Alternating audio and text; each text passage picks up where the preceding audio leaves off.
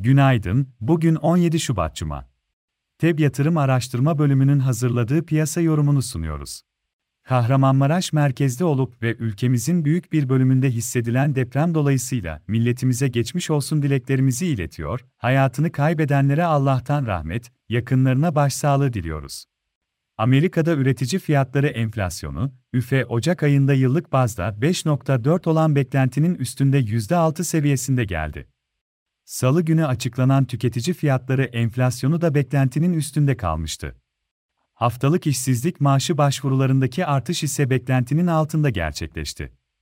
Veriler sonrası Fed'in enflasyonist baskıdan dolayı para politikasında daha hızlı sıkılaştırmaya gideceği, faizleri beklenenden uzun bir süre yüksek tutacağı endişelerinin arttığı görülüyor. Cleveland Fed Başkanı Mester, veriler sonrası yaptığı açıklamada enflasyonu düşürmek için daha fazla faiz artışına ihtiyaç olduğuna işaret etti.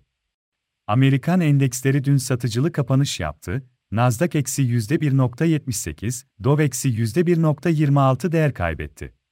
ABD verileri sonrası dolar endeksi, ABD tahvil faizleri yükselişini sürdürdü, ons altın üzerinde satışlar yaşandı.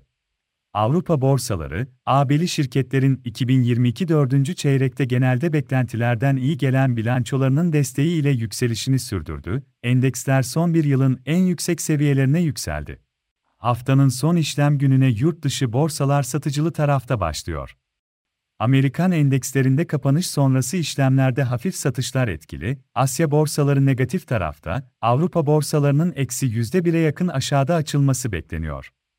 Borsa İstanbul tarafında ise deprem nedeniyle verilen bir haftalık aranın ardından alınan tedbirlerin sonrasında, çarşamba günü yeniden işlemlerin başlamasına paralel, gözlenen yukarı hareket dün de sürdü. Seans içinde 5320 seviyesine kadar yükselen BIST endeksi günü %1.17 yükselişle 5008 seviyesinde kapadı. BIST endeksinde teknik bazda bugün ilk direnç olarak yine 5180, 50 günlük hareketli ortalama seviyesi takip edilebilir. Diğer önemli dirençler olarak 5450 ve 5600 seviyeleri önemli olacak. İlk destek olarak ise 4700 seviyesine bakılabilir. Diğer önemli desteklerimiz 4440 ve 4300 seviyelerinde bulunuyor. Piyasaları değerlendirmeyi sürdüreceğiz. TEB yatırım olarak tekrar tüm Türkiye'ye geçmiş olsun dileriz.